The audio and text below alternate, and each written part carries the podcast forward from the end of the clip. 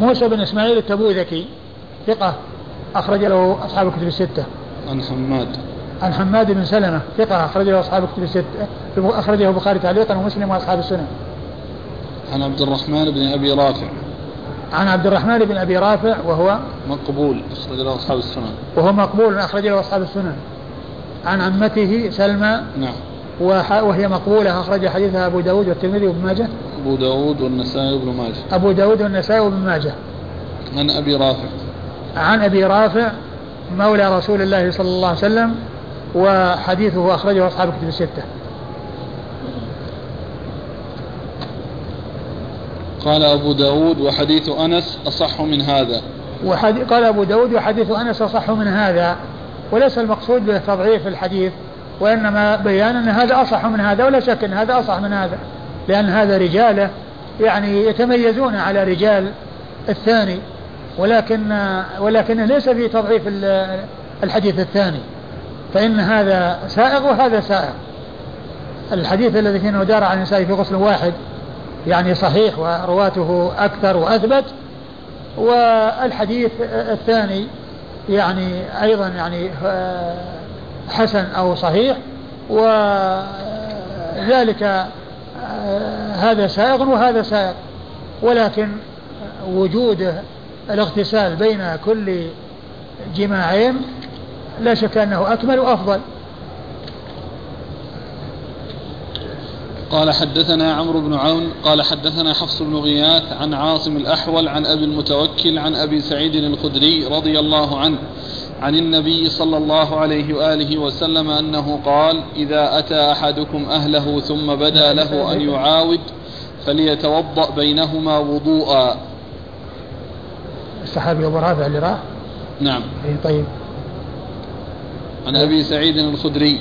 أيوة. عن النبي صلى الله عليه وآله وسلم أنه قال إذا أتى أحدكم أهله ثم بدا له أن يعاود فليتوضأ بينهما وضوءا.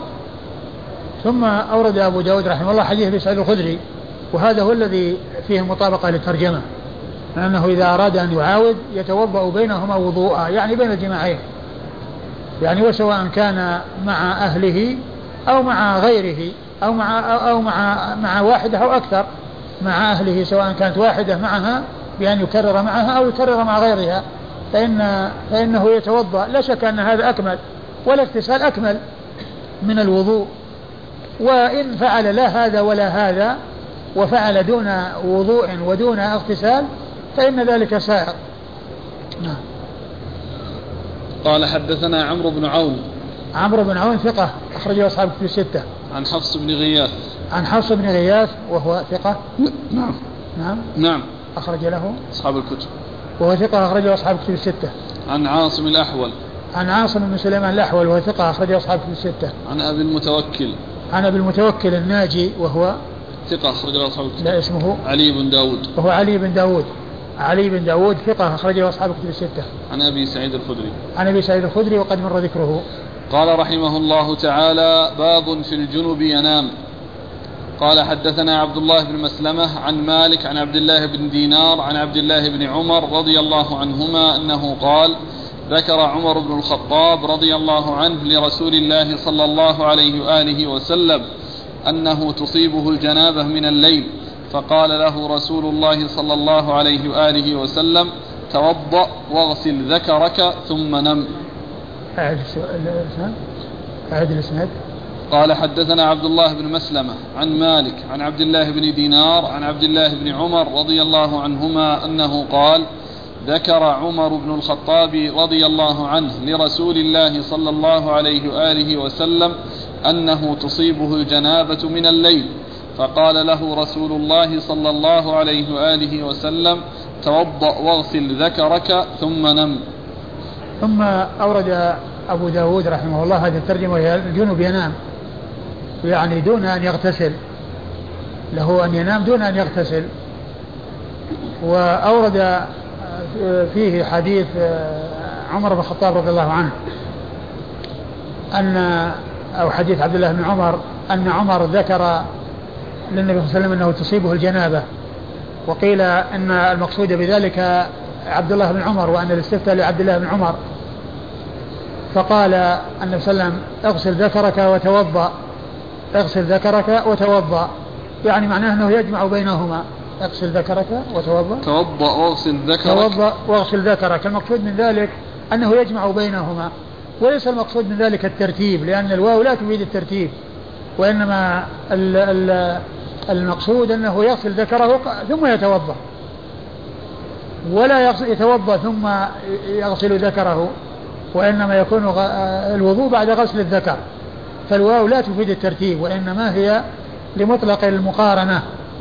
وإلا فإن غسل الذكر مقدم على على الوضوء. غسل الذكر مقدم على الوضوء لأن غسل الذكر لإزالة ما علق به وما فيه من آثار الجماع والوضوء آه الذي هو فعل آه أركان الوضوء ابتداء بغسل الوجه وانتهاء بغسل الرجلين. فالنبي صلى الله عليه وسلم أرشد أن من أراد أن ينام فإن عليه أن يتوضأ يغسل ذكره ويتوضأ وإن لم يغتسل وإن لم يغتسل. ثم الوضوء ذهب يعني آه، جمهور أهل العلم إلى أنه مستحب وأنه ليس بواجب وأن وهو لا شك أن الاغتسال مستحب وإذا لم يحصل اغتسال فيليه ال ال الوضوء. وإذا لم يحصل الاغتسال ولا الوضوء فيليه أنه يغسل ذكره فقط ويزيل الآثار التي علقت به وله أن ينام. دون أن تحصل منه هذه الأمور كلها دون أن تحصل منه الأمور هذه الأمور كلها ولكن إذا حصل الاغتسال فهو أكمل وإن لم يحصل وحصل الوضوء فلا شك أنه أحسن وإذا حصل لا هذا ولا هذا وحصل غسل الذكر يعني وما علق بالإنسان من آثار الجماع وإذا لم يفعل هذه الأمور كلها جاز له أن ينام وإن لم يحصل منه ذلك. نعم. قال حدثنا عبد الله بن مسلمة. عبد الله بن مسلمة القعنبي عبد الله بن مسلمة بن القعنب وهو ثقة أخرجه أصحاب الكتب الستة لابن ماجه. عن مالك. عن مالك بن أنس إمام دار الهجرة المحدث المشهور أحد أصحاب المذاهب الأربعة مشهورا مذاهب أهل السنة. عن عبد الله بن دينار. عن عبد الله بن دينار وهو ثقة أخرجه أصحاب الكتب الستة. عن عبد الله بن عمر. عن عبد الله بن عمر رضي الله تعالى عنهما صاحب رسول الله صلى الله عليه وسلم وأحد العباد الأربعة من الصحابة وأحد السبع المعروفين بكثرة الحديث عن النبي صلى الله عليه وسلم. ذكرتم أن الاستفتاء من عمر لأجل ابنه؟ نعم. تصيبه أي آه، عبد الله. تصيبه أي عبد الله. يعني هذا فيها وجه أن عبد الله استحى استحى من لعله نعم. لعله مثل مثل قضية الطلاق التي كان يعني طلق زوجته وأمر أباه والرسول قال مره فليراجعه. نعم. هو من مسند آه، ابن عمر أو مسند عمر؟ يعني ابن عمر يروي عن أبيه. على اعتبار أنه هو الذي باشر.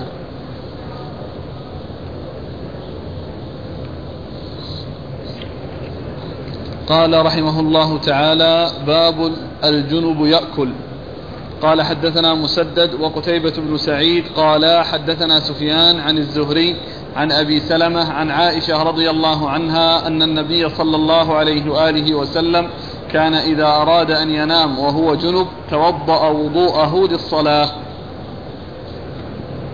ثم إيش بعده؟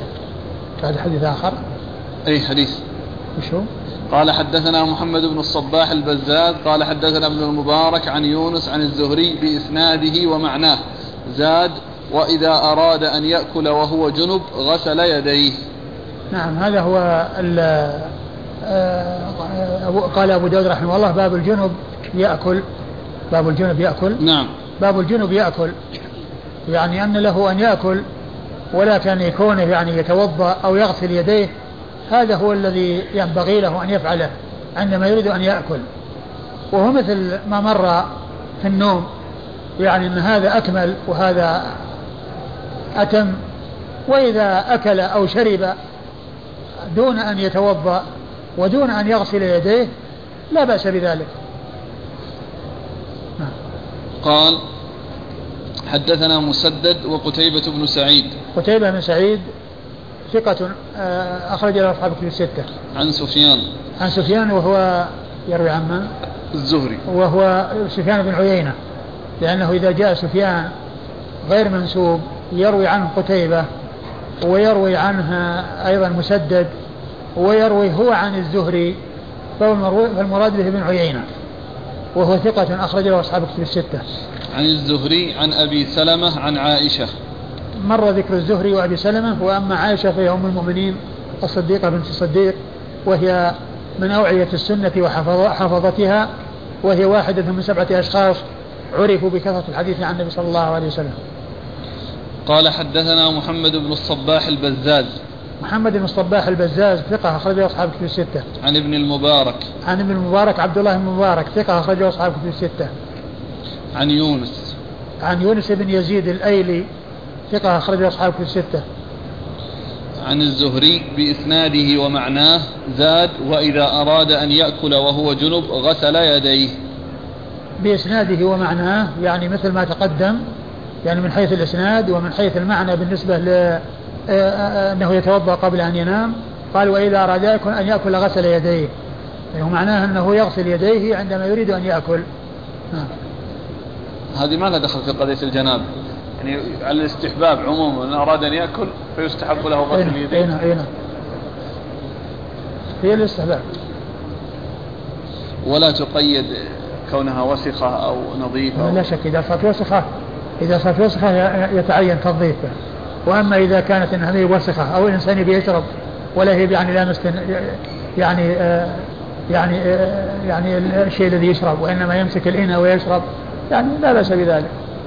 لكن إذا كانت إذا كانت آه اليد يعني فيها قدر فينظفها الإنسان لأنه ما يستعملها وهي قذرة. قال أبو داود ورواه ابن وهب عن يونس فجعل قصة الأكل قول عائشة رضي الله عنها مقصورا ورواه صالح بن أبي الأخضر عن الزهري كما قال ابن المبارك. إلا أنه قال عن عروة أو أبي سلمة ورواه الأوزاعي عن يونس عن الزهري عن النبي صلى الله عليه وآله وسلم كما قال ابن المبارك. قال أبو داود. قال أبو داود ورواه ابن وهب عن يونس فجعل قصة الأكل قول عائشة مقصورا. ثم قال رواه آه، آه، آه، عبد الله بن وهب عن الزهري عن يونس عن الزهري عن يونس. رواه ابن وهب عن يونس. رواه ابن وهب عن يونس. فجعل قصة فجعل قصة الأكل عن عائشة مقصورة يعني اقتصر على ذكر قصة الأكل. يعني وما جاء بقصة النوم. لأن الحديث يعني الذي تقدم عن الزهري يعني فيه أكل ونوم. وهذه الرواية الأخيرة أو التي آه، فيها عبد الله بن وهب عن الزهري يعني فيها ذكر الأكل مقتصرا عليه. وليس معها ذكر النوم. وليس معها ذكر النوم. والترجمة كما هو معلوم يتعلق بالأكل. الترجمة هي تتعلق بالأكل. وأما النوم فسبق أن مر به له ترجمة تخصه. أيوه. ورواه صالح بن أبي الأخضر عن الزهري كما قال ابن المبارك. ورواه صالح بن أبي الأخضر وقد مر ذكره عن الزهري كما قال المبارك. يعني في آه، فيما يتعلق بذكر الجمع بين الأكل والنوم, والنوم. إلا أنه قال عن عروة أو أبي سلمة. إلا أنه قال عن عروة أو أبي سلمة يعني شك بين هذا وهذا. وكل منهما ثقة وكل منهما من فقهاء المدينة السبعة في عصر التابعين إلا أن أحدهما متفق على عده في الفقهاء السبعة وهو عروة والثاني مختلف فيه وهو أبو سلمة ابن عبد الرحمن بن عوف. ورواه الأوزاعي عن يونس عن الزهري عن النبي صلى الله عليه وآله وسلم كما قال ابن المبارك. ورواه ورواه الأوزاعي. الأوزاعي عبد الرحمن بن عمرو الأوزاعي ثقة فقيه فقيه الشام ومحدثها وحديثه أخرجه أصحاب الكتب الستة. عن يونس عن الزهري عن النبي صلى الله عليه وسلم عن يونس عن الزهري عن النبي صلى الله عليه وسلم يعني مرسلا. نعم.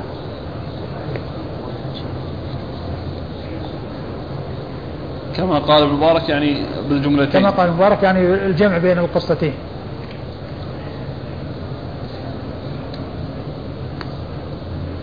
قال رحمه الله تعالى باب من قال يتوضأ الجنب بقي ثلاث دقائق والله تعالى أعلم وصلى الله وسلم وبارك على عبده ورسوله نبينا محمد وعلى آله وأصحابه أجمعين. لا مقصورا على جملة من الجملتين.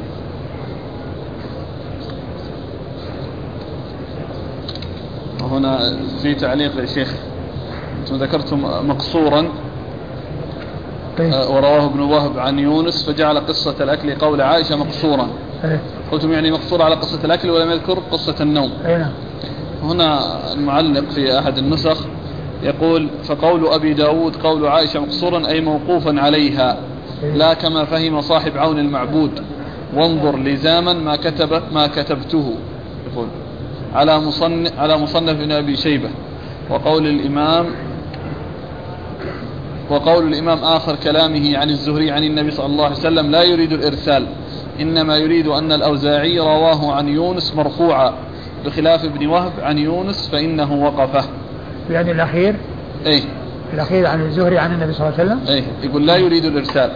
إنما يريد أن الأوزاعي رواه عن يونس مرفوعا. بخلاف ابن وهب. أيوة. عن يونس. فإنه وقفه. أقول لا ندري يعني عن صحة هذا. على كل الحديث هو ثابت. يعني سواء يكون مرفوع أو أو أو مرسل. يعني الحديث هو ثابت يعني بالطرق المتعددة هذا ويحتمل أيضا ويحتمل أيضا أن يكون يعني كلمة مقصورا يعني أنها تكون بمعنى موقوفا. وأن هذه تعبير آخر من التعابير التي يعبرون بها عن الوقت. يعني آه، يعني مقصورا عليها أو يعني أو موقوفا عليها. يعني يمكن يحتمل.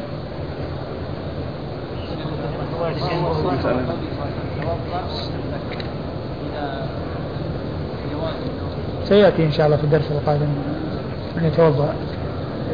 الجنوب يتوضأ. والله تعالى أعلم وصلى الله وسلم وبارك على عبده ورسوله نبينا محمد وعلى آله وأصحابه أجمعين.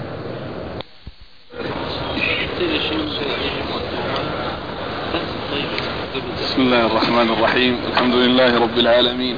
الصلاة والسلام على نبينا محمد وعلى آله وصحبه أجمعين.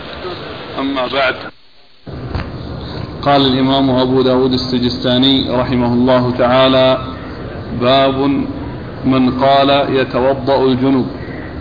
قال حدثنا مسدد قال حدثنا يحيى قال حدثنا شعبة عن الحكم عن إبراهيم عن الأسود عن عائشة رضي الله عنها أن النبي صلى الله عليه وآله وسلم كان إذا أراد أن يأكل أو ينام توضأ تعني وهو جنب بسم الله الرحمن الرحيم. الحمد لله رب العالمين وصلى الله وسلم وبارك على عبده ورسوله نبينا محمد وعلى آله وأصحابه أجمعين. أما بعد يقول الإمام أبو داود السجستاني رحمه الله تعالى باب باب من قال يتوضأ الجنوب يعني إذا أراد أن يأكل أو ينام فإنه يتوضأ.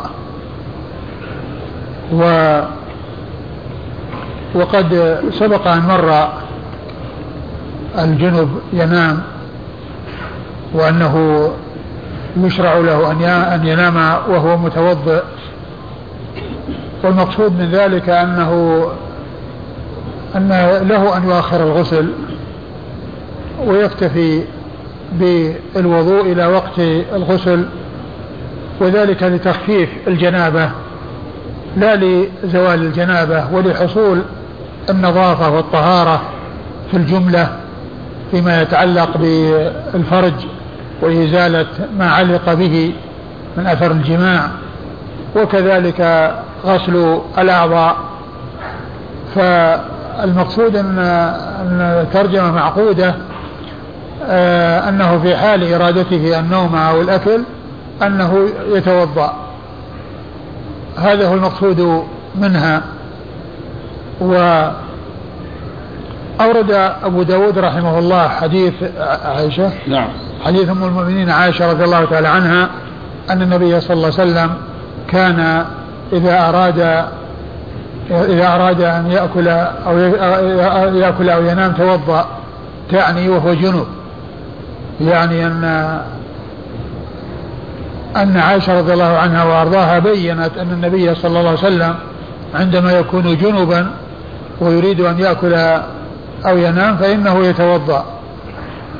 ومن المعلوم أن الوضوء هو الوضوء الشرعي الذي هو غسل الوجه واليدين إلى المرفقين ومسح الرأس وغسل الرجلين.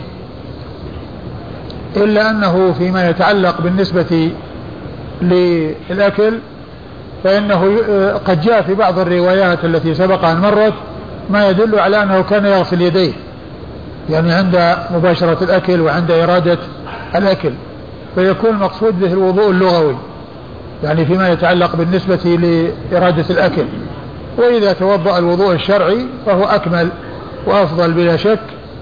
وأما بالنسبة للنوم فإنه يتوضأ الوضوء الشرعي وذلك لتخفيف الجنابة لا لإزالتها لأنها لا تنتهي إلا بالاغتسال.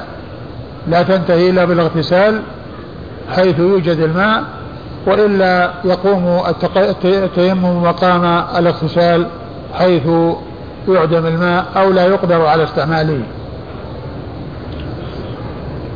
نعم. قال حدثنا مسدد. مسدد بن مسرهد.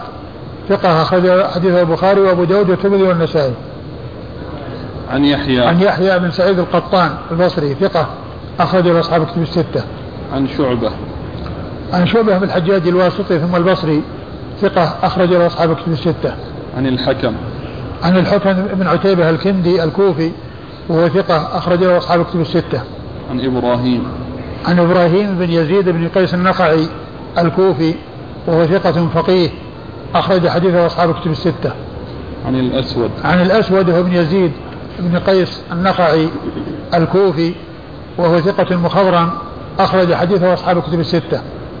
عن عائشة. عن عائشة أم المؤمنين رضي الله تعالى عنها وأرضاها الصديقة بنت الصديق من أوعية السنة وحفظتها لا سيما ما يتعلق في الأمور التي تجري بين الرجل وأهل بيته وما يتعلق في الأمور البيتية التي لا يطلع عليها إلا النساء فإنها وعت الكثير وحفظت الكثير رضي الله تعالى عنها وأرضاها. وهي واحدة من سبعة أشخاص عرفوا بكثرة الحديث عن النبي صلى الله عليه وسلم.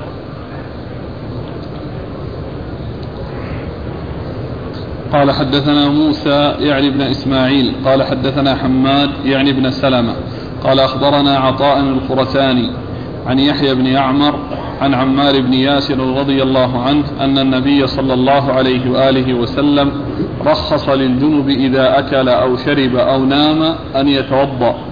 قال أبو داود بين يحيى بن يعمر وعمار بن ياسر في هذا الحديث رجل. وقال علي بن أبي طالب وابن عمر وعبد الله بن عمرو رضي الله عنهم الجنب إذا أراد أن يأكل توضأ. ثم ورد أبو داود حديث عمار بن ياسر. رضي الله تعالى عنه أن النبي صلى الله عليه وسلم رخص للجنب إذا أراد أن يأكل أو يشرب أن يتوضأ. إذا أكل نعم. إذا أكل أراد أن يأكل. إذا أكل أي أراد أن يأكل أن يتوضأ أراد أن يأكل أو إذا أكل أو شرب أو نام. إذا أكل أو شرب أو نام أن يتوضأ يعني أنه إذا أراد ذلك. إذا أراد ذلك فإنه عليه أن يتوضأ أو أنه رخص له أن يتوضأ. وهذا فيه دليل على أن الاغتسال وتأخيره من سائغ والمبادرة إليه حيث أمكن هو الأولى والأفضل. ولكنه إذا أراد نام أراد أن ينام ويأكل ويشرب فإنه يتوضأ. بالنسبة للنوم وضوءه للصلاة.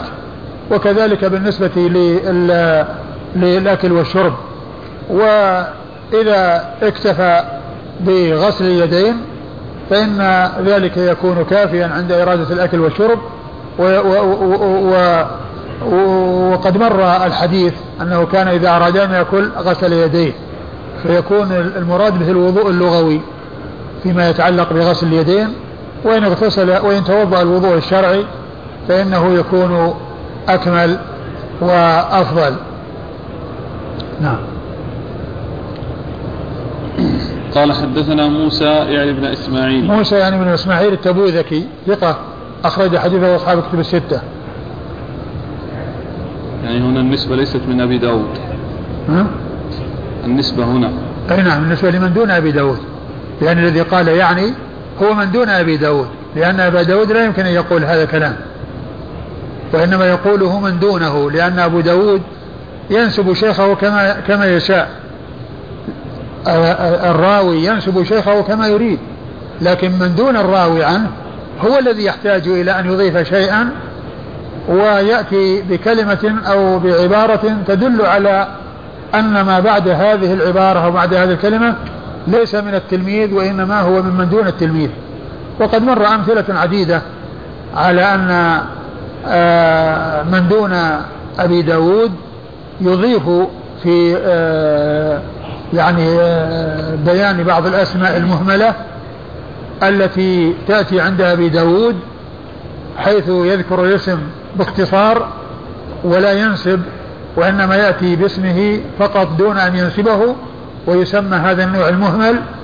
فيأتي من دونه فيقول يعني أي يعني أبو داود بقوله موسى موسى بن إسماعيل التبوذكي.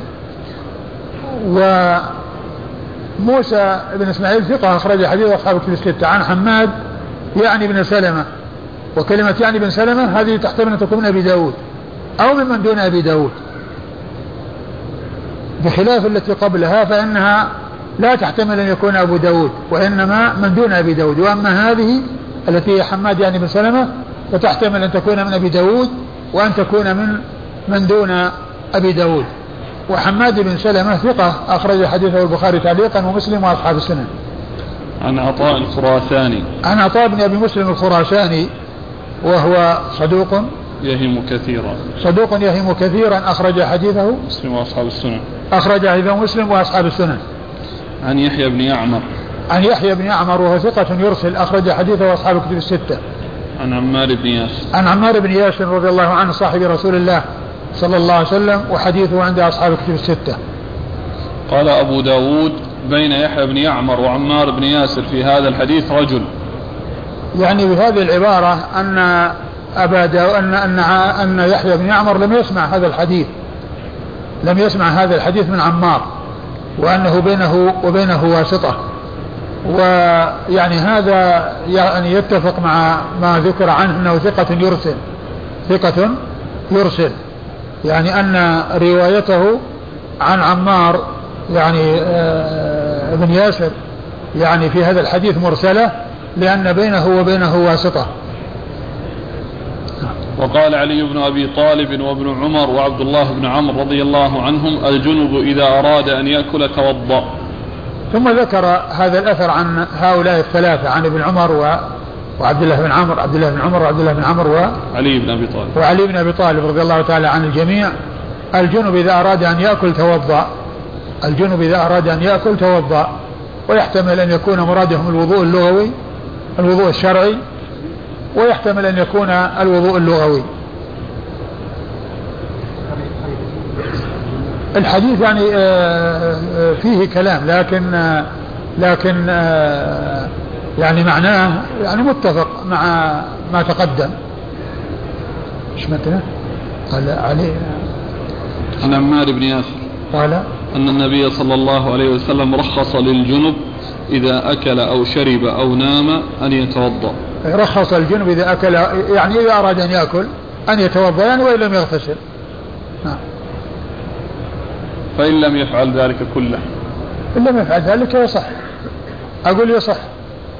لأن قضية ال ال ال ال الوضوء يعني ليس بلازم وإنما هو مستحب. وسيأتي الحديث الذي بعد هذا الذي أنه كان ينام أو دون أن يمس ماء دون أن يمس ماء. نعم. قال رحمه الله تعالى باب في الجنب يؤخر الغسل. قال حدثنا مسدد قال حدثنا معتمر حاء.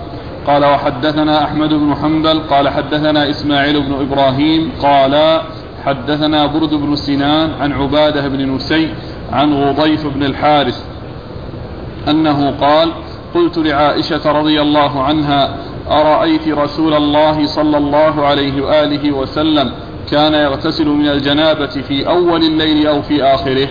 قالت ربما اغتسل في أول الليل وربما اغتسل في آخره. قلت الله أكبر الحمد لله الذي جعل في الأمر سعة. قلت أرأيت رسول الله صلى الله عليه وآله وسلم كان يوتر أول الليل أم في آخره؟ قالت ربما أوتر في أول الليل وربما أوتر في آخره. قلت الله أكبر الحمد لله الذي جعل في الأمر سعة. قلت أرأيت رسول الله صلى الله عليه وآله وسلم كان يجهر بالقرآن أم يخفي أم يخفت أم يخفت به. قالت ربما جهر به وربما خفت. قلت الله أكبر الحمد لله الذي جعل في الأمر سعة. ثم ورد أبو داود حديث رحمه, رحمه الله هذه الترجمة. باب, باب الجنب يؤخر الغسل. يعني أن الغسل لا يلزم على الفور. يعني بعد الجنابة مباشرة فله أن يعني يبقى بدون اغتسال. له أن يبقى بدون اغتسال وليس واجبا على الفور الذي هو الاغتسال. لأنه جاء ما يدل على ذلك في الأحاديث المتعددة المتنوعة عن رسول الله صلى الله عليه وسلم. ومنها حديث عائشة رضي الله عنها أن غضيف بن الحارث لما سألها أرأيت رسول الله صلى الله عليه وسلم كان يغتسل من الجنابة في أول الليل أو آخره؟ قالت ربما اغتسل في أوله وربما اغتسل في آخره. يعني معناه إذا حصل منه الجماع في أول الليل يحصل منه أحيانا أنه يغتسل في أول الليل يعني معناه أنه يبادر وأحيانا يؤخره وأحيانا يؤخره يعني إلى آخر الليل. وهذا يدلنا على أن الغسل ليس على الفور. وأنه يمكن أن يؤخر لكن المستحب مع تأخيره أن يكون الإنسان متوضئا أن يكون الإنسان متوضئا. إذا أراد أن يأكل أو يشرب أو ينام فإنه يكون متوضئا على سبيل الاستحباب. فعائشة رضي الله تعالى عنها وأرضاها بينت أن النبي صلى الله عليه وسلم قالت ربما اغتسل في أوله وربما اغتسل في آخره. ومحل الشاهد منه قوله ربما اغتسل في آخره. لأن هذا هو تأخير الغسل. ربما اغتسل في آخر يعني جامع في أول الليل واغتسل في آخر الليل. واغتسل في آخر الليل إذا هذا يدلنا على جواز تأخير الغسل لكن مع تأخيره المستحب أن الإنسان يكون متوضئا حتى يخفف الجنابة وحتى يذهب أو يزيل الآثار التي آه، حصلت نتيجة لذلك الجماع بحيث يكون نظيفا يعني ليس على جسده وليس في بدنه شيء من آثار الجماع آه، وذلك بغسل فرجه وكونه آه، يتوضأ. ثم قال أرأيت رسول الله صلى الله عليه وسلم يوتر في أول ليل أم في آخره؟ قالت ربما أوتر في أوله وربما أوتر في آخره. يعني هذا جاء وهذا جاء. وكذلك أيضا سألها فقال أرأيت الرسول كان يجهر بالقراءة أم يخفت يعني في صلاة الليل وفي قيام الليل؟ هل كان يجهر بالقراءة وهل أو كان يسر؟ فقالت إنه ربما فعل هذا وربما فعل هذا يعني معناه أحيانا يجهر وأحيانا يخافت. وهذا يدلنا على أن هذه الأمور الثلاثة آه، المبادرة آه، المبادرة بالنسبة للغسل أفضل والتأخير يعني ما لم يحن وقت الصلاة وما لم يكن هناك أمر يقتضي الاغتسال فإن ذلك سائغ أي التأخير. وبالنسبة للوتر آه الرسول صلى الله عليه وسلم جاء عنه كما في هذا الحديث وفي غيره عن عائشة من كل الليل أوتر رسول الله صلى الله عليه وسلم من أوله وسطه وآخره فانتهى وتره إلى استحر ومعنى هذا أن الرسول صلى الله عليه وسلم يصلي من أول الليل في بعض الأحيان وفي بعضها من وسط الليل وفي بعضها من آخر الليل. ولكن وتره ينتهي بالسحر بحيث لا يؤخره عن السحر ولا يؤخره إلى طلوع الفجر بل كان يوتر قبل أن يطلع الفجر صلوات الله وسلامه وبركاته عليه. والذي ينبغي في مثل هذا أن من عرف من عادته أنه يستيقظ آخر الليل فإن صلاته في آخر الليل ووتره آخر الليل يكون أفضل. ومن لم يكن ومن خشي أن لا يستيقظ وأنه يطلع عليه الفجر قبل أن يوتر فالأفضل في حقه أن يوتر قبل أن ينام. وهذا هو الذي جاءت الوصية فيه عن رسول الله صلى الله عليه وسلم لكل من أبي هريرة وأبي الدرداء. أبو هريرة في في صحيحين حديث أبي هريرة في صحيحين وحديث أبي الدرداء في صحيح مسلم. قال أبو هريرة رضي الله عنه أوصاني خليلي صلى الله عليه وسلم بثلاث ركعتي الضحى وصيام ثلاثة أيام من كل شهر وأن أوتر قبل أن أنام. والحديث متفق عليه. وحديث أبي الدرداء وهو في صحيح مسلم أوصاني حبيبي صلى الله عليه وسلم بثلاث ركعتي الضحى وصيام ثلاثة أيام من كل شهر وأن أوتر قبل أن أرقد. وأما بالنسبة للقراءة فهذا الحديث يدل على أنه كان أحيانا يجهر وأحيانا يخافت يعني في قراءة في صلاة الليل. وهذا يدلنا على أن الأمر في ذلك واسع وأن له أن يجهر وله أن يخافت يعني في القراءة. وفي كل من هذه الأحوال الثلاثة عندما يسأل غضيف عائشة وتخبره عن ما حصل من رسول الله صلى الله عليه وسلم من فعل هذا وفعل هذا أي المسؤول عنه في الأحوال الثلاث في الأحوال الثلاث كان يقول الله أكبر الحمد لله الذي جعل في الأمر سعة. الله أكبر الحمد لله الذي جعل في الأمر سعة. كلمة الله أكبر يقولها عند أو قالها عندما سمع أن كل ذلك سائغ وأن كل ذلك جاء عن رسول الله عليه الصلاة والسلام. وهذا فيه دليل على أن الإنسان عند الأمور السارة والأمور التي تعجبه يعني يكبر ويأتي بالتكبير لأنه بذلك يظهر ما عنده من الفرح والسرور وفي نفس الوقت يذكر الله عز وجل فيكون إظهاره ما عنده من الفرح والسرور يكون في أمر مشروع هو قربة إلى الله وهو ذكر لله عز وجل وهو التكبير. وهذا هو الذي كان يأتي الذي جاء عن عن الصحابة رضي الله عنهم وأرضاهم. في هذه هذه القصة في عن هذا التابعي أو الذي اختلف في صحبته وهو غضيف لأنه مختلف في صحبته منهم من قال صحابي ومنهم من قال تابعي. لكن الصحابة جاء عنهم يعني التكبير عند حصول ما يسر وذلك في الحديث الذي فيه أن النبي صلى الله عليه وسلم قال ترضون أن تكونوا ثلث أهل الجنة أن تكونوا نصف أهل الجنة؟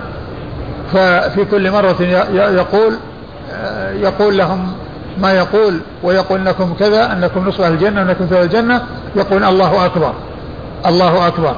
وكذلك عمر رضي الله عنه وأرضاه لما سمع أن النبي صلى الله عليه وسلم أو أشيع أن النبي صلى الله عليه وسلم طلق نساءه وكان قد اعتزلهن وآل منهن شهرا وجاءه عمر وسأله وقال أطلقت نساءك يا رسول الله؟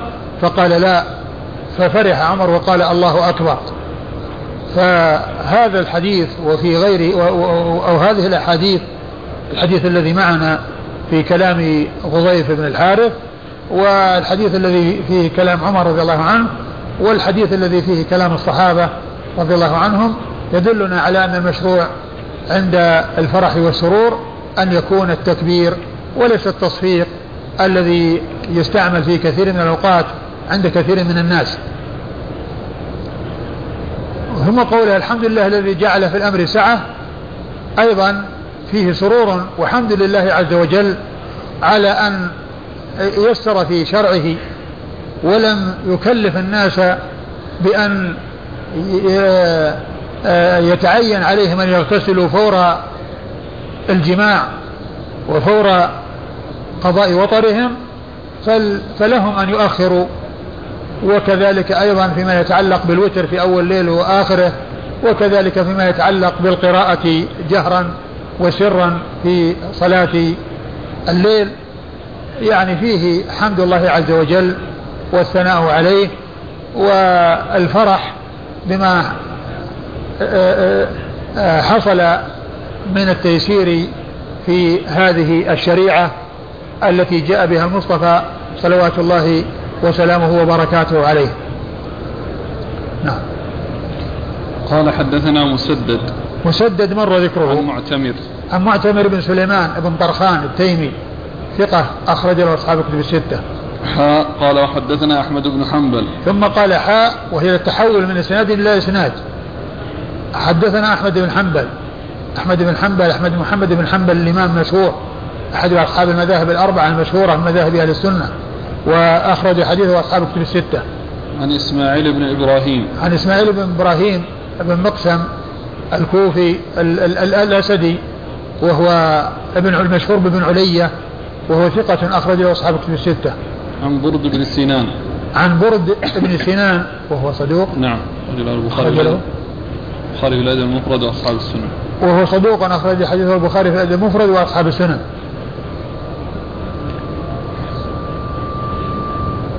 عن عبادة بن نسي. عن عبادة بن نسي وهو ثقة أخرج حديثه أصحاب السنن الأربعة. عن غضيف بن الحارث. عن غضيف بن الحارث وهو مختلف في صحبته. أخرج حديثه البخاري في الأدب المفرد وأبو داود والنسائي وابن ماجه. عن عائشة. عن عائشة أم المؤمنين رضي الله عنها وأرضاها وقد مر ذكرها. قال حدثنا حفص بن عمر النمري. قال حدثنا شعبة عن علي بن مدرك عن أبي زرعة بن عمرو بن جرير عن عبد الله بن نجي عن أبيه عن علي بن أبي طالب رضي الله عنه عن النبي صلى الله عليه وآله وسلم أنه قال لا تدخل الملائكة بيتا فيه صورة ولا كلب ولا جنوب. ثم أورد أبو داود رحمه الله حديث علي بن أبي طالب رضي الله عنه أن النبي صلى الله عليه وسلم قال لا تدخل الملائكة بيتا فيه كلب ولا صورة ولا جنب. لا تدخل الملائكة بيتا فيه كلب ولا صورة ولا جنب. نعم. بي كلب بيت فيه كلب ولا صورة ولا جنب يعني ولا تدخل بيتا فيه كذا إلى آخره.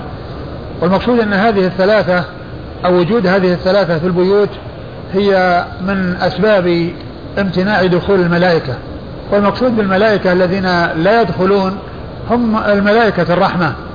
وأما الملائكة الموكلون بالحفظ والموكلون بالكتابة فهم مع الإنسان. أقول فهم مع الإنسان ولا يمتنعون من آه، ملازمته لهذه الأسباب التي جاءت في هذا الحديث. وإنما المقصود من ذلك الملائكة التي تنزل بالرحمة. وهذا فيه تنفير من الوقوع في هذه الأمور. وذكر الجنابة والمقصود منه ذكر الجنب هنا.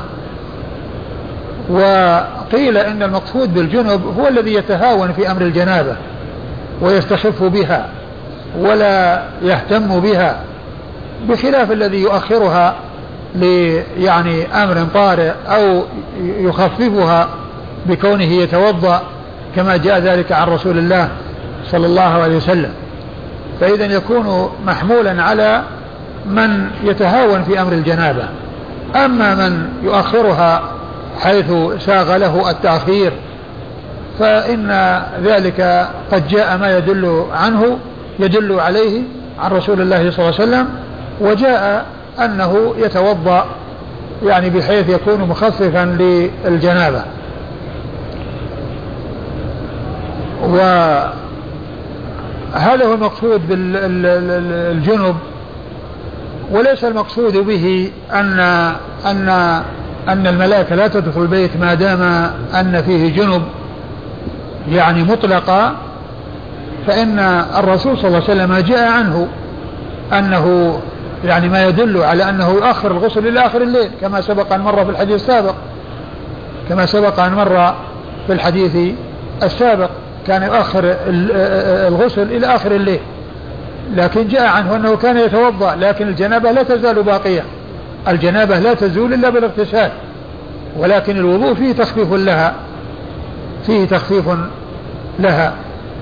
ثم آه، ذكر الكلب أيضا يستثنى من ذلك الكلب المأذون فيه أو الكلاب المأذون فيها وهي ما كانت للصيد أو للزرع أو للماشي. ذلك مأذون فيه فلا يمنع من دخول الملائكة فلا يمنع من دخول الملائكة. وكذلك الصورة يعني المقصود بها الصور التي هي ذوات الأرواح وسواء كانت مجسمة أو غير مجسمة. وإذا كان هناك شيء تدعو إليه ضرورة فيما يتعلق بالصور الفوتوغرافية فإن الإنسان يكون معذورا. ولغير الضرورة الإنسان يبتعد عن الصور مطلقا يبتعد عن الصور واستعمالها والاحتفاظ بها مطلقا إلا لأمر يقتضي ذلك ولحاجة أو لضرورة دعت إلى ذلك. نعم. قال حدثنا حفص بن عمر النمري. حفص بن عمر النمري ثقة أخرج حديث البخاري وأبو داود النسائي الله عن شعبة. عن شعبة بن الحجاج مر ذكره. عن علي بن مدرك. عن علي بن مدرك وهو ثقة أخرج له أصحاب كتب الستة. عن أبي زرعة بن عمرو بن جرير. عن أبي زرعة بن عمرو بن جرير البجلي وهو ثقة أخرج له أصحاب كتب الستة. عن عبد الله بن نجي. عبد الله بن نجي الحضرمي وهو صدوق أخرج حديثه أبو داود والنسائي بن ماجه. نعم. صدوق أخرج حديثه أخرج حديثه أبو داود والنسائي بن ماجه. عن أبيه. عن أبيه نجي وهو مقبول أخرج حديثه أبو داود والنسائي بن ماجه. عن علي. عن علي بن أبي طالب رضي الله عنه أمير المؤمنين ورابع الخلفاء الراشدين الهادين المهديين صاحب المناقب الجمة والفضائل الكثيرة وحديثه عند أصحاب الكتب الستة. والحديث كل ما فيه من جهة آه، نجي والد عبد الله الذي قال عنه الحافظ في التقريب أنه مقبول لكن على يعني آه، فرض صحته يكون معناه كما قال بعض أهل العلم الذي يتهاون يعني في أمر الجنابة بخلاف الذي آه، يبقى على جنابته لعذر أو وهو, وهو مأذون له في ذلك أو يخففها بحصول الوضوء كما جاء ذلك عن رسول الله صلوات الله وسلامه وبركاته عليه.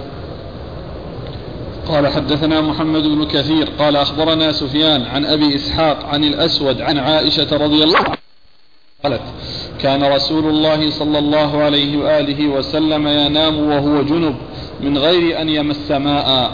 قال أبو داود حدثنا الحسن بن علي الواسطي قال سمعت يزيد بن هارون يقول هذا الحديث وهم يعني حديث أبي إسحاق.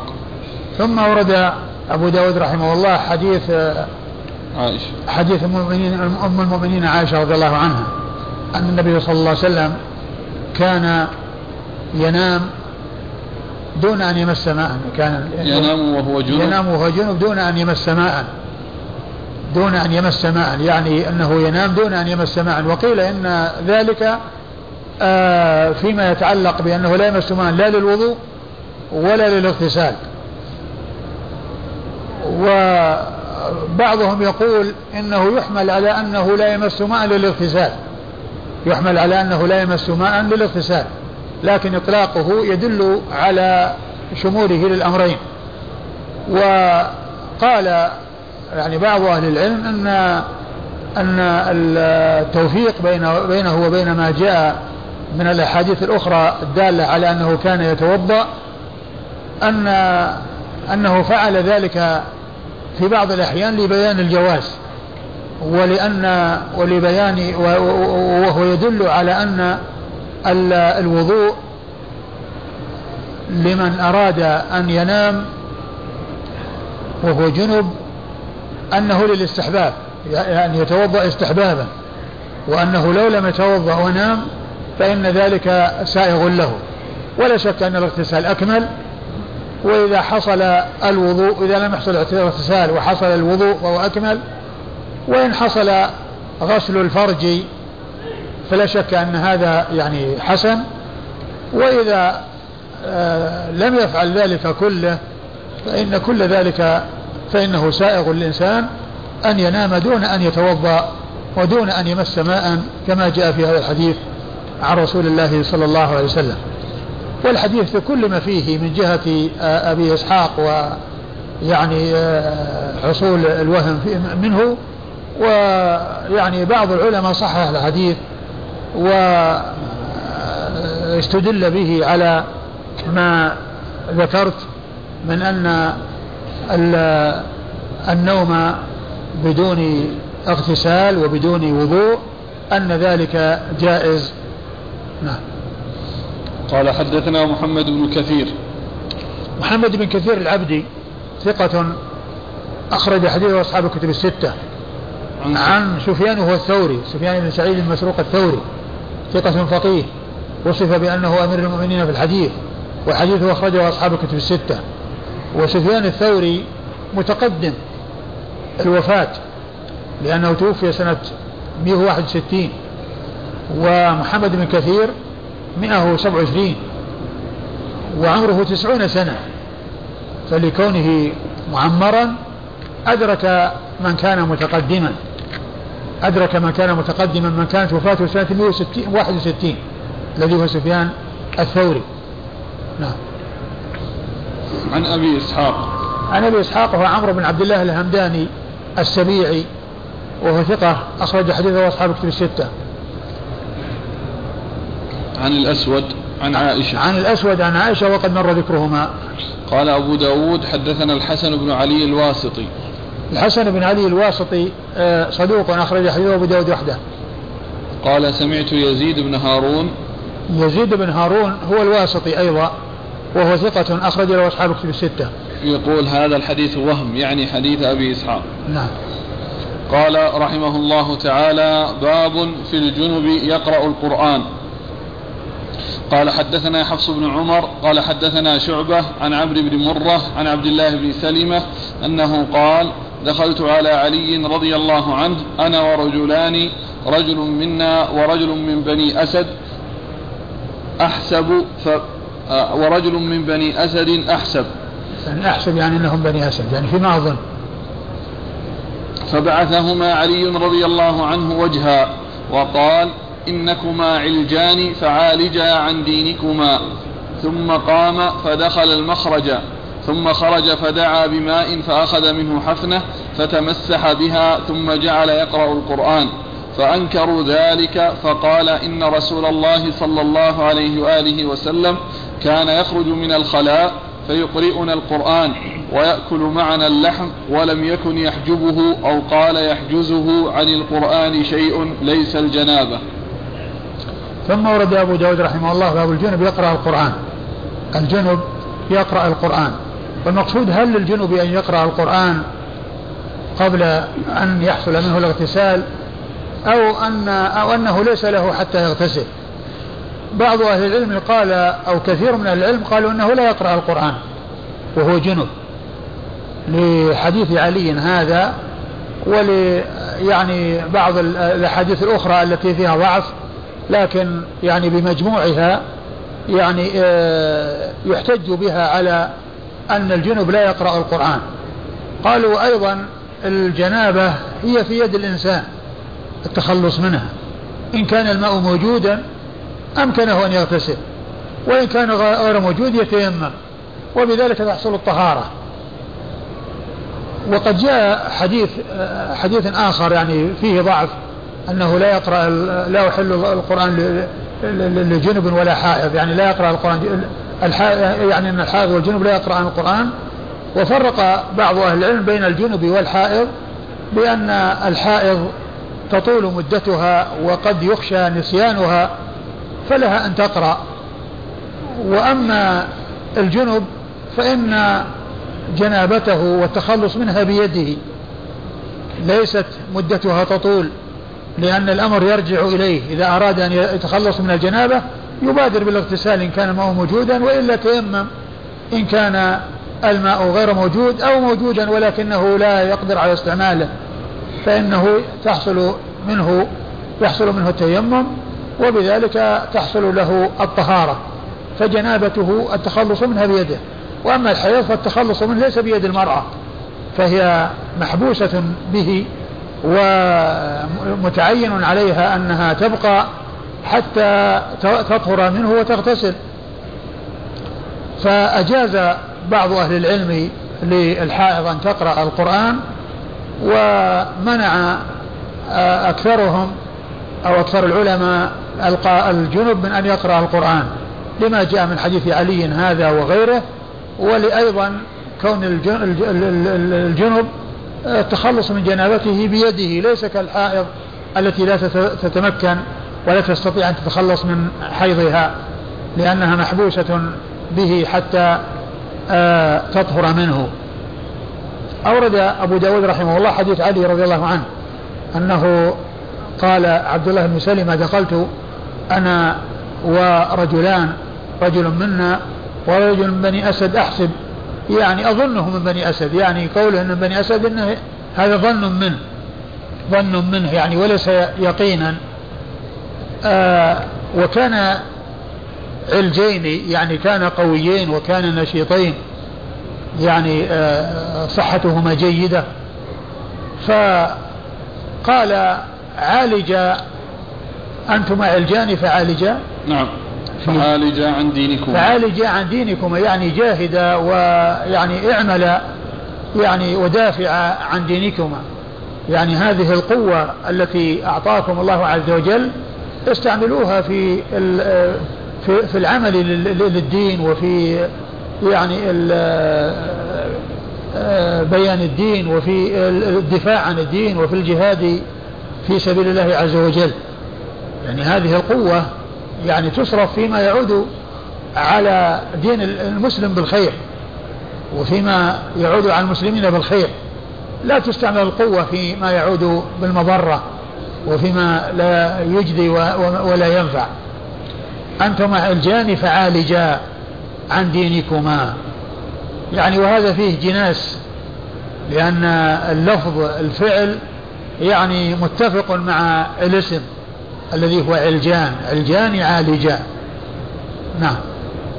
ثم قام فدخل المخرج. ثم قام فدخل المخرج. يعني دخل المكان الذي الذي تقضى فيه الحاجة.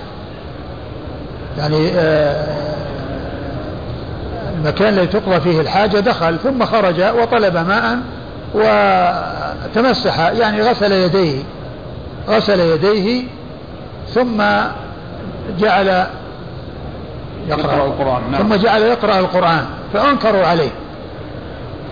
أنكروا عليه فبين أن أنه لا مانع من ذلك وأن النبي صلى الله عليه وسلم كان لا يمنعه من قراءة القرآن شيء إلا الجنابة إلا الجنابة. يعني معنى هذا أن الحدث الأصغر لا يمنع من قراءة القرآن. فالإنسان يقرأ القرآن يعني من حفظه. وهو على عليه الحدث الأصغر. ولكنه لا يقرأ من المصحف إذا كان عليه الحدث الأصغر. لأنه ورد عن النبي صلى الله عليه وسلم قال لا يمس القرآن إلا طاهر. لا يمس القرآن إلا طاهر. أما من الحفظ فللمحدث حدثا أصغر أن يقرأ القرآن. ولكنه يمنع منه في المصحف. لأنه ممنوع من مس المصحف إلا في حال طهارته. آه فبين لهم أن هذا الفعل الذي فعله وأنكروه عليه أنه سائق وأن النبي صلى الله عليه وسلم كان يقرئهم القرآن وأنه كان يقضي حاجته ويأتي من الخلاء ويقضي حاجته ويقرئهم ويأكل معهم. ولا يمنعه شيء إلا الجنابة يعني من قراءة القرآن. يعني إلا الجنابة هذا هو الذي كان يمتنع معه من قراءة القرآن. وهذا محل الشاهد للترجمة أن الجنب يعني لا يقرأ القرآن. وذهب بعض أهل العلم إلى أنه يقرأ القرآن.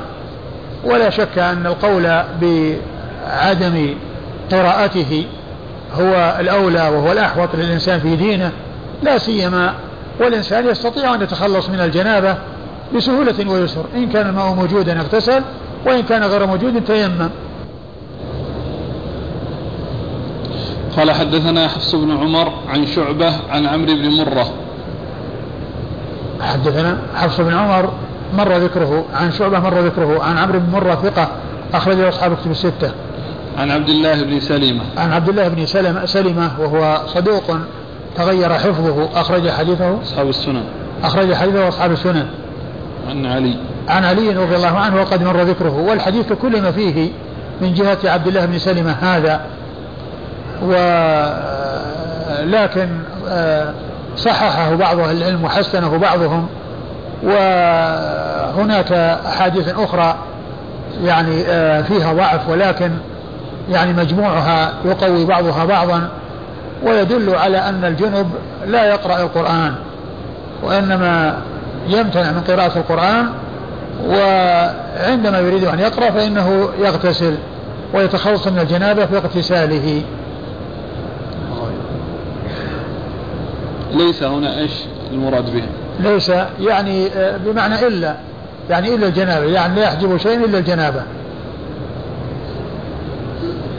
قال رحمه الله تعالى باب في الجنب يصافح قال حدثنا مسدد قال حدثنا يحيى عن مسعر عن واصل عن أبي وائل عن حذيفة رضي الله عنه أن النبي صلى الله عليه وآله وسلم لقيه فأهوى إليه فقال إني جنب فقال إن المسلم لا ينجس.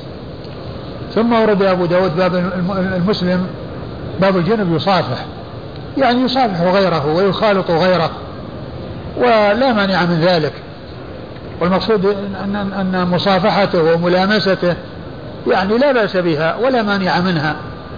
وقد أورد أبو داود رحمه الله حديث حذيفة أنه كان جنبا ولقي النبي صلى الله عليه وسلم فأهوى إليه. يعني مد يده ليصافح وقال إني كنت جنب. يعني أراد أن يبين أنه جنوب يعني و وكأنه يعني فهم أو رأى أن الجنوب يعني لا يحصل منه ماسة من لم يكن جنوبا أو أو لا يحصل منه أو يعني لا لا يليق به أن يصافح رسول الله صلى الله عليه وسلم أو يمس رسول الله صلى الله عليه وسلم وهو على جنابة. فقال عليه الصلاة والسلام إن المؤمن إن المؤمن لا ينجس. إن المؤمن لا ينجس. يعني مسلم نعم. مسلم. أن المسلم لا ينجس.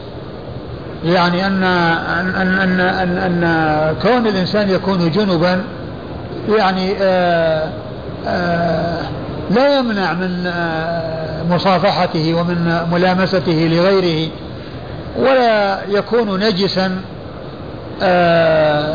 بحيث يعني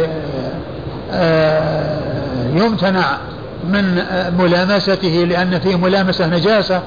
بل هو طاهر طاهر الجسد ولكن عليه الحدث الذي يحتاج إلى رفع ولكنه قبل أن يرفع لا مانع من ملامسته ولا مانع من مجالسته ولا مانع من مخالطته. كل ذلك سائغ ولا بأس به. فدل على أن مصافحة الجنب أنه لا بأس بها وأيضا دل على ما كان عليه أصحاب الرسول صلى الله عليه وسلم من التوقير والاحترام الاحترام للرسول صلى الله عليه وسلم وحرصهم على يعني الابتعاد عن أي شيء يعني يرون أن فيه شيء أن فيه شيء منهم مع رسول الله صلى الله عليه وسلم حيث يظنون يعني في الشيء أنه لا يليق احتراما وتوقيرا للرسول صلى الله عليه وسلم. فالرسول صلى الله عليه وسلم يبين لهم أن ذلك سائق وأن ذلك جائز وأن الجنب لا ينجس. والحدث يعني كما هو معلوم موجود موجود معه. وجسمه طاهر. والكافر هو الذي جاء أنه نجس ولكن نجاسته حكمية وليست يعني عينية. بمعنى أن الإنسان لو لمسه يكون لامسا النجاسة فعليه أن يزيل هذه النجاسة وإنما هي نجاسة حكمية. قال الله عز وجل إنما المشركون نجس فلا يقربوا المسجد الحرام بعد عامهم هذا. فالمقصود بالنجاسة النجاسة الحكمية. نعم. قال حدثنا مسدد عن يحيى. مسدد عن يحيى يحيى هو القطان مر ذكرهما. عن مسعر. عن مسعر بن كدام وهو ثقة أخرج له أصحاب كتب الستة. عن واصل. عن واصل بن حيان الأحدب وهو ثقة أخرج له أصحاب كتب الستة. عن أبي وائل. عن أبي وائل شقيق بن سلمة الكوفي ثقة مخضرم أخرج له أصحاب في الستة وهو مشهور بكنيته وهذه وهذه هي كنيته جاء بها. وأحيانا يأتي باسمه شقيق. شقيق ابن سلمة أو يقال شقيق فقط. كل هذا يأتي. يأتي شقيق بن سلمة ويأتي شقيق ويأتي أبو وائل. وكثيرا ما كان يأتي بكنيته أبي وائل. نعم. عن حذيفة. عن حذيفة بن اليمان صاحب رسول الله صلى الله عليه وسلم صحابي بن صحابي وحديثه عند أصحاب الكتب الستة. قال حدثنا مسدد قال حدثنا يحيى وبشر عن حميد عن بكر عن أبي رافع عن أبي هريرة رضي الله عنه قال لقيني رسول الله صلى الله عليه وآله وسلم في طريق من طرق المدينة وأنا جنب فاختنست فذهبت فاغتسلت ثم جئت. فقال أين كنت يا أبا هريرة؟ قلت قال قلت إني كنت جنبا فكرهت أن أجالسك على غير طهارة. فقال سبحان الله إن المسلم لا ينجس. وقال في حديث بشر حدثنا حميد قال حدثني بكر. ثم ورد أبو داود حديث أبي هريرة رضي الله عنه أنه لقي الرسول صلى الله عليه وسلم في بعض طرق المدينة. نعم. في بعض طرق المدينة وكان جنبا فانخنس منه يعني انسل منه بخفي يعني دون أن يستأذنه ودون أن يشعر الرسول صلى الله عليه وسلم بأنه ذهب منه وقد كان معه. فلما لقيه قال له ما لك؟ يعني, يعني إنك كنت معي وبعد ذلك ذهبت دون أن اكون على علم. فقال إني كنت جنبا فكرهت أن أجالسك وأنا على وأنا على غير طهارة. فقال عليه الصلاة والسلام سبحان الله إن المؤمن لا ينجس. فدل هذا على أن يعني مصافحة الجنب ومخالطته ومجالسته والجلوس معه والمشي معه أن كل ذلك سائغ وأنه لا بأس به. أنه لا بأس به. وفيه أيضا دليل على أن الجنب يخرج من بيته وعلى جنابه لأن أبا هريرة لقيه خرج من بيته وهو في الطريق. يعني لقي النبي صلى الله عليه وسلم في بعض طرق المدينة. فخرج وهو على جنابه وكذلك حذيفة. يعني أيضا نفس الشيء. كان يعني آه حديث حذيفة قال إيش قال لقيته؟ لقيته. أن النبي صلى الله عليه وسلم لقيه فأهوى إليه. لقيه يعني معناه أنها حصل يعني قد يشعر بأنه قد خرج. لكن حديث أبي هريرة صريح في أنه قد خرج وأنه لقيه في بعض طرق المدينة. فهذا يدلنا على أن الجنوب أن يخرج على جنابة من بيته. ولكن كونه يعني يكون على طهارة وكونه يكون مغتسلا لا شك أن هذا هو الأكمل وهذا هو الأفضل. وفي هذا أيضا دليل على احترام أهل الفضل وتوقيرهم لأن النبي لأن أبا هريرة رضي الله عنه أراد أن أو استحيا من أن يبقى مع رسول الله صلى الله عليه وسلم وهو على تلك الهيئة. التي وهو على تلك الهيئة التي هي كونه على جنابة. حتى بين له الرسول صلى الله عليه وسلم أن ذلك سائق وأن مجالسته وأن كونه معه أنه لا بأس به. وفيه أيضا أن الإنسان التابع عندما يريد أن يذهب عن متبوعه عليه أن يستأذنه لأن الرسول صلى الله عليه وسلم يعني آه، قال لأبي هريرة ما قال يعني ما لك يعني أنك كنت معي وأنك انخنست فحتى بين له. فهذا فيه إشعار بأنه كان الأولى أو الذي ينبغي للإنسان أن يستأذن عند إرادة الانصراف أو عند إرادة المفارقة لأن النبي صلى الله عليه وسلم أنكر عليه ذلك وسأله عن ذلك فدل هذا على أن هذا من الآداب التي تكون أو التي ينبغي أن تكون يعني بين ال ال آه، التابع والمتبوع. وفيه ذكر التسبيح عند التعجب لأنه قال سبحان الله. أيوة. قال حدثنا مسدد عن يحيى وبشر. بشر هو بن مفضل ثقة أخرجه أصحاب الكتب الستة. عن حميد. عن حميد بن أبي حميد الطويل ثقة أخرجه أصحاب الكتب الستة. عن بكر. عن بكر بن عبد الله المزني وهو ثقة أخرجه أصحاب الكتب الستة. عن أبي رافع. عن أبي رافع وهو وهو نفيع الصائغ وهو ثقة أخرجه أصحاب الكتب الستة. عن أبي هريرة. عن أبي هريرة عبد الرحمن بن صخر الدوسي صاحب رسول الله صلى الله عليه وسلم وأكثر أصحابه حديثا عن الإطلاق آه، أكثر أصحابه رضي الله عنهم حديثا على الإطلاق آه، رضي الله تعالى عن أبي هريرة وعن الصحابة أجمعين. وقال في حديث بشر حدثنا حميد قال حدثني بكر. يعني أن في حديث بشر هو بشر هو التحديث. يعني عن حميد وعن بكر أنه كله بلفظ التحديث.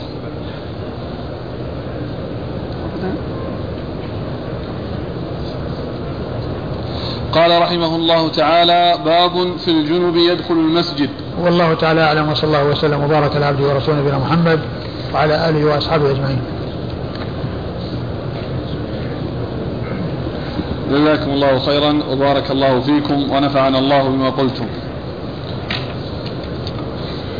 يقول السائل شيخنا في حديث أشكل علي فما معناه وهو في الصحيحين من حديث عائشة أنها ذكر عندها ما يقطع الصلاة فقالوا يقطعها الكلب والحمار والمرأة. قالت لقد جعلتمونا كلابا.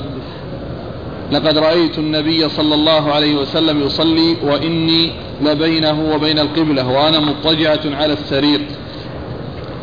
فتكون, فتكون لي الحاجة فأكره أن أستقبله فأنسل انسلالا. فهل المرأة البالغ لا تقطع الصلاة؟ الحديث يعني معناها اختلف فيه العلماء على قولين. جمهور العلماء على أن قطع الصلاة إنما هو يعني إنقاص لها ويعني إنما هو إنقاص لها وليس قطعا لها. وبعض أهل العلم أنه يقول يقطعها بمعنى أنه يستأنفها من جديد. أنه يستأنفها من جديد. هذا هو معنى الحديث. وقوله يعني شبهتونا بالكلاب يعني معناه حيث جمعوا يعني لأن هذا الكلام الذي قالوه والذي آه، يعني آه، آه، أسندوه إلى الرسول صلى الله عليه وسلم يعني فيه جمع بين المرأة والكلب والحمار. وقد بينت ما كان يجري منها مع رسول الله صلى الله عليه وسلم وأنه يكون يصلي وأنها تكون في قبلته وأنها تنسل. نعم. هل يجوز أن يجتمع أشخاص على دفع مبلغ معين كل شهر وفي آخره يستلم أحد الأشخاص هذا المبلغ؟ والله فيه شبهة يعني. العلماء في هذا العصر مختلفون فيه. والأولى للإنسان والذي ينبغي الإنسان أن يبتعد عنه. دع ما يريبك إلى ما لا يريبك. ما حكم الاعتكاف في غير المساجد الثلاثة؟ يجوز. يجوز أن يعتكف في غير المساجد الثلاثة وليس الأمر مقصورا عليها. وما جاء يعني من الحديث في ذلك فإنه يكون محمولا على الاعتكاف الكامل أو الاعتكاف الأفضل. ولا شك أن المساجد الثلاثة أفضل من غيرها وأكمل الاعتكاف فيها لأنها مساجد الأنبياء وهي التي تشد الرحال إليها. وهي التي يمكن أن يشد الرحل إليها ليعتكف. وأما غيرها ف يعني لا يشد الرحل إليها وللإنسان أن يعتكف. للإنسان أن يعتكف في المسجد من غير شد رحل. وأما تلك فإنها تشد الرحال إليها ويمكن الإنسان يرحل إليها. فيكون القصر أو الحصر إنما هو نسبي وإضافي. وليس يعني حقيقيا بمعنى أنه لا يجوز أن يعتكف. يعني لا اعتكاف أشد أو لا اعتكاف أفضل لا اعتكاف أكمل مثل ما جاء في الحديث آه، إنما الرباء في النسيئة مع أن الربا يكون في أيضا في في الفضل. يعني ولكن المقصود به إنما الربا الأشد أو الأعظم فهو حصر إضافي وليس حقيقيا. هل وضوء الجنب خاص بالرجل أم يشمل الرجل والمرأة؟ الحكم واحد. الأصل هو الأصل هو الحكم للرجال والنساء. إلا إذا جاء شيء يعني يدل على أن هذا خاص بالرجال أو أن هذا خاص بالنساء فيصار إلى الدليل المفرق. وحيث لا دليل على التفريق بين الرجال والنساء الأصل هو التساوي في الأحكام. وهناك كثير من النصوص التي جاءت تفرق. بين الرجال والنساء لكن الأصل هو عدم التفريق. وعندما يوجد التفريق يصار إلى الخروج عن الأصل بناء على هذا الدليل. هذا يقول هل ثبتت ليلة القدر في ليلة من الليال؟ وما ما ثبتت. ما ثبتت في ليلة معينة بحيث أنها تكون فيها ولا تتعداها إلى غيرها لكن ثبت أنها في العشر الأواخر. من رمضان وأنها محصورة في العشر ولكنها في أي العشر؟ الله تعالى أعلم. الإنسان إذا اجتهد في العشر يدركها إن شاء الله. ويقول وما حكم الاحتفال بها؟ كون الإنسان يعني أولا هي غير معلومة كما هو معلوم حتى يقال أنها تخص بشيء. لكن كون الإنسان يأتي بالأعمال الصالحة وال والاجتهاد في العبادة يعني في الليالي العشر التي هي واحدة منها لا شك أن هذا مطلوب وقد جاء في السنة ما يدل عليه من فعله صلى الله عليه وسلم ومن قوله يعني حيث أرشد إلى التحري والمقصود أن الإنسان يتحرونها بالعبادة يعني ويجتهدون في العبادة ويجتهدون في العشر الأواخر من أجل من أجل آه، الثواب عند الله عز وجل ورجاء تحصيلها وإدراكها وأما قضية الاحتفالات يعني احتفالات رسمية أو غير رسمية وأشياء يعني تفعل في غير العبادة وغير الإقبال على الصلاة فهذا من الأمور المحدثة. وما نصيحتك للذين يعظمون شهر رجب بل بعضهم يجعله أفضل من رمضان؟ الإنسان يعني يعظم ويفضل بناء على الدليل ولم يأتي دليل يدل على تخصيص شهر رجب بشيء إلا أنه واحد من الأشهر الحرم. الأشهر الحرم أربعة واحدة منها شهر رجب. هذا هو الذي جاء فيه. أما ما سوى ذلك فإنه لم يثبت فيه شيء يخصه. لم يثبت فيه شيء يخصه عن رسول الله صلى الله عليه وسلم فالإنسان لا يخصه بشيء. وأما يعني كل إنسان يفضله على رمضان فالإنسان لا يفضل إلا بدليل لأن التفضيل هذا من الأمور الغيبية التي لا يمكن الوصول إليها أو إلى معرفتها إلا عن طريق الدليل. لأن كون هذا أفضل من هذا وهذا أفضل من هذا العلم عند الله عز وجل. الله تعالى أعلم بأن هذا أفضل أو أن هذا أفضل يعني بالنسبة للمكان وبالنسبة للزمان وبالنسبة للأشخاص وبالنسبة لل يعني حيث يأتي الدليل يصار إلى الدليل في التفضيل سواء في الأشخاص أو في الأمكنة أو في الأزمنة. والله تعالى أعلم وصلى الله وسلم وبارك على عبده ورسوله نبينا محمد وعلى آله وأصحابه أجمعين.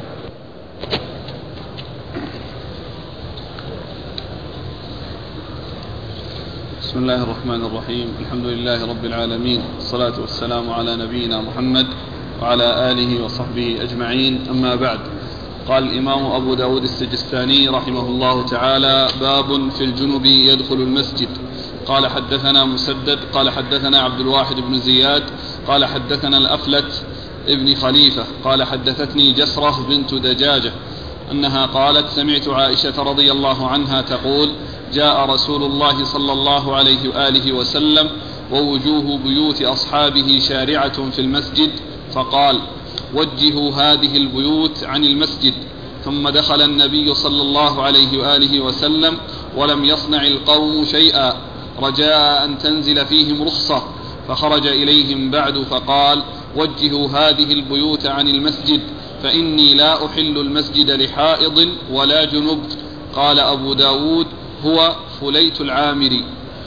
بسم الله الرحمن الرحيم الحمد لله رب العالمين وصلى الله وسلم وبارك على عبده ورسوله نبينا محمد وعلى آله وأصحابه أجمعين. أما بعد قال الإمام أبو داود السجستاني رحمه الله باب الجنب لا يدخل المسجد. يدخل المسجد. باب الجنب يدخل المسجد. يعني يعني المقصود حكم دخول الجنب المسجد. يعني هل يدخل أو لا يدخل. والحكم في هذا هو أن الجنب لا يدخل المسجد إلا إذا كان مارا وعابر سبيل فإنه يجوز له ذلك. وأما أن يمكث في المسجد ويبقى في المسجد فإنه لا يجوز له ذلك لقول الله عز وجل ولا جنبا إلا عابري سبيل حتى تغتسلوا فهذه الآية الكريمة تدل على أن الجنب ليس له أن يدخل مسجد وليس له أن وإنما له أن يمر مرورا حيث احتاج إلى ذلك وحيث دعت الحاجة إلى ذلك. أما أن يمكث فيه فإن ذلك لا يجوز. وقد أورد الإمام أبو داود رحمه الله حديث عائشة رضي الله تعالى عنها أن النبي صلى الله عليه وسلم دخل والبيوت كانت مشرعة إلى المسجد يعني لها أبواب إلى المسجد.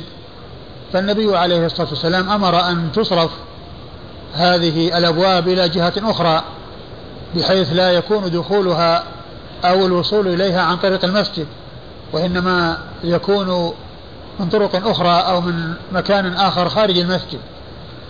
ثم إنه عليه الصلاة والسلام بعد ذلك رأى أن أن الأمر على ما هو عليه وأنه لم يحصل التحويل الذي أرشد إليه.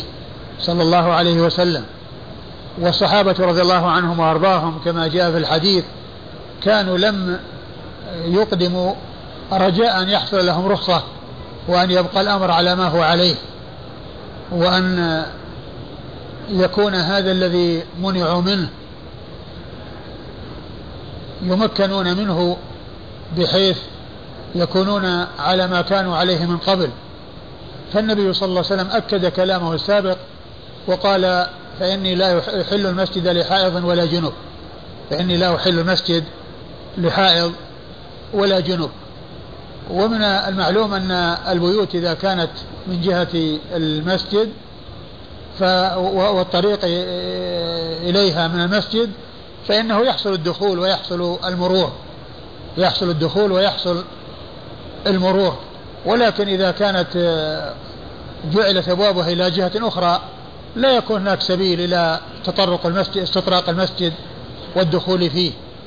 لكن حيث يكون الإنسان محتاجا إلى المرور في المسجد فقد جاء نص القرآن في ذلك في قول الله عز وجل ولا جنبا إلا عابري سبيلا حتى تغتسلوا. ومثل ومثل الجنب الحائض في كونها لا تمكث في المسجد ولها أن تمر في المسجد لكن بشرط أن يؤمن التلويث بحيث لا يسقط منها نجاسة ولا يتساقط منها دم يقع في المسجد فإذا احتاجت إلى المرور ولم يكن هناك محذور في مرورها وكان ذلك بأمن التلويث يعني بحيث يعني تحققت بأنه لا يسقط منها شيء ولا ينزل منها شيء في المسجد فإن لها أن تمر إذا احتاجت إلى المرور في المسجد ولم تجد بدا من ذلك. وأما المكث فليس لها أن تمكث. أما المكث فليس لها أن تمكث ولو أمن التلويث. ولو أمن التلويث مثل الجنوب ليس له أن يمكث وهو ما عنده تلويث. وكذلك الحائض ليس لها أن تمكث. ومما يدل على اعتزال النساء المساجد وعدم دخولهن المساجد أو البقاء في المساجد ما جاء في حديث صلاة العيد حيث النبي صلى الله عليه وسلم أمر الحيض وذوات الخدور أن يذهبن إلى الصلاة وأمر الحيض أن يعتزلن المصلى. وأمر الحيض بأن يعتزلن المصلى يعني بمعنى أنهن لا يمكثن, يمكثن في مكان الصلاة وإنما يكون في مكان ناحية يعني آه، ليس ليس ضمن المكان الذي يصلى فيه الذي آه، تصلى فيه العيد. فهذا يدلنا على أن الحائض ليس لها أن تمكث في المسجد وليس لها أن تبقى في المسجد لأن النبي صلى الله عليه وسلم أمرها بأن تعتزل المصلى يعني في مصلى العيد. فالمسجد من باب أولى ولكن المرور عندما يكون هناك أمر يقتضيه يجوز لها ذلك. نعم.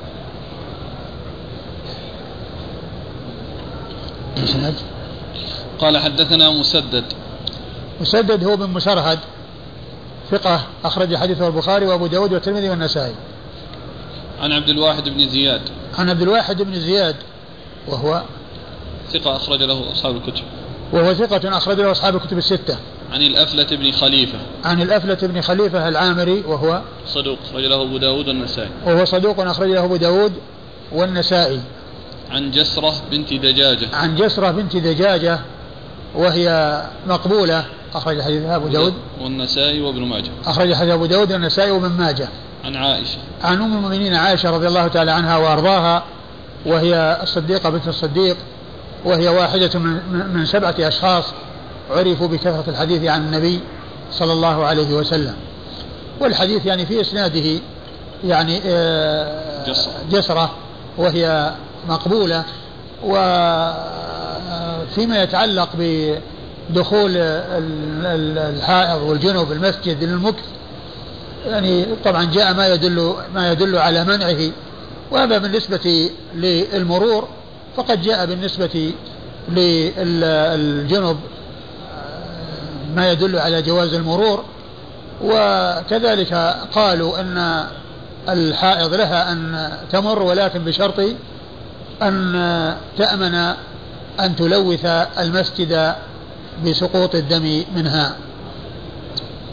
قال أبو داود هو فليت العامري. قال أبو داود هو فليت العامري لأنه يأتي أفلت ويأتي فليت. فأراد أن يبين أن أنه يسمى بهذا ويسمى بهذا. يطلق عليه أفلت وفليت. وأنه لا تنافي بين اللفظين. إذا جاء أفلت في موضع وجاء فليت في موضع ما يقال هذا شخص آخر أو هذا غير هذا بل هذا هو هذا. يقال له أفلت ويقال له فليت. هل هذا هو نفس الحديث الذي نهى النبي صلى الله عليه وسلم وأمر بسد الأبواب ما عدا سد باب أبي بكر؟ آه يمكن يمكن أن يكون هو نفس الحديث. يعني وذاك ثابت اللي هو قضية سد الأبواب الا باب أبي أبي, أبي بكر يعني هذا ثابت. فيحتمل أن يكون هو وأن يكونوا يعني أمروا بسد الأبواب واستثني من ذلك باب أبي بكر ويحتمل أن يكونوا انتظروا يعني حتى لعلهم يحصل لهم رخصة يعني يحتمل وغالبا ما يكون آه، هذا هو هذا. نفس القصة واحدة. نعم. قال رحمه الله تعالى باب في الجنب يصلي بالقوم وهو ناس. قال حدثنا موسى بن إسماعيل قال حدثنا حماد عن زياد الأعلم عن الحسن عن أبي بكرة رضي الله عنه أن رسول الله صلى الله عليه وآله وسلم دخل في صلاة الفجر فأومأ بيده أن مكانكم ثم جاء ورأسه يقطر فصلى بهم. نعم بعده. بعده. قال حدثنا عثمان بن أبي شيبة قال حدثنا يزيد بن هارون قال أخبرنا حماد بن سلمة بإسناده ومعناه وقال في أوله فكبر وقال في آخره فلما قضى الصلاة قال إنما أنا بشر وإني كنت جنبا. قال أبو داود رواه الزهري عن أبي سلمة بن عبد الرحمن عن أبي هريرة أنه قال فلما قام في مصلاه وانتظرنا أن يكبر انصرف ثم قال كما أنتم. قال أبو داود ورواه أيوب وابن عون وهشام عن محمد مرسلا عن النبي صلى الله عليه وآله وسلم أنه قال فكبر ثم أومأ بيده إلى القوم أن اجلسوا فذهب فاغتسل.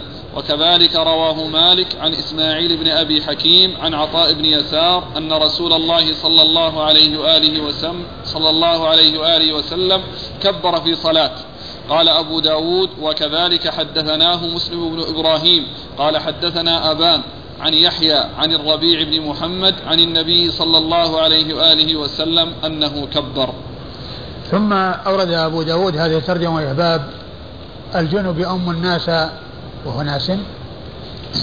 وهو ناس. باب الإمام. باب في الجنب يصلي بالقوم وهو باب ناس. في الجنب يصلي بالقوم وهو ناس. آه هذه الترجمة معقودة في كون الإمام يصلي وهو جنب يعني نسيانا. وهذا كما هو معلوم لا يتأتى إلا عن طريق النسيان لأن الطهارة لا, بد منها من الحدث الأكبر والأصغر.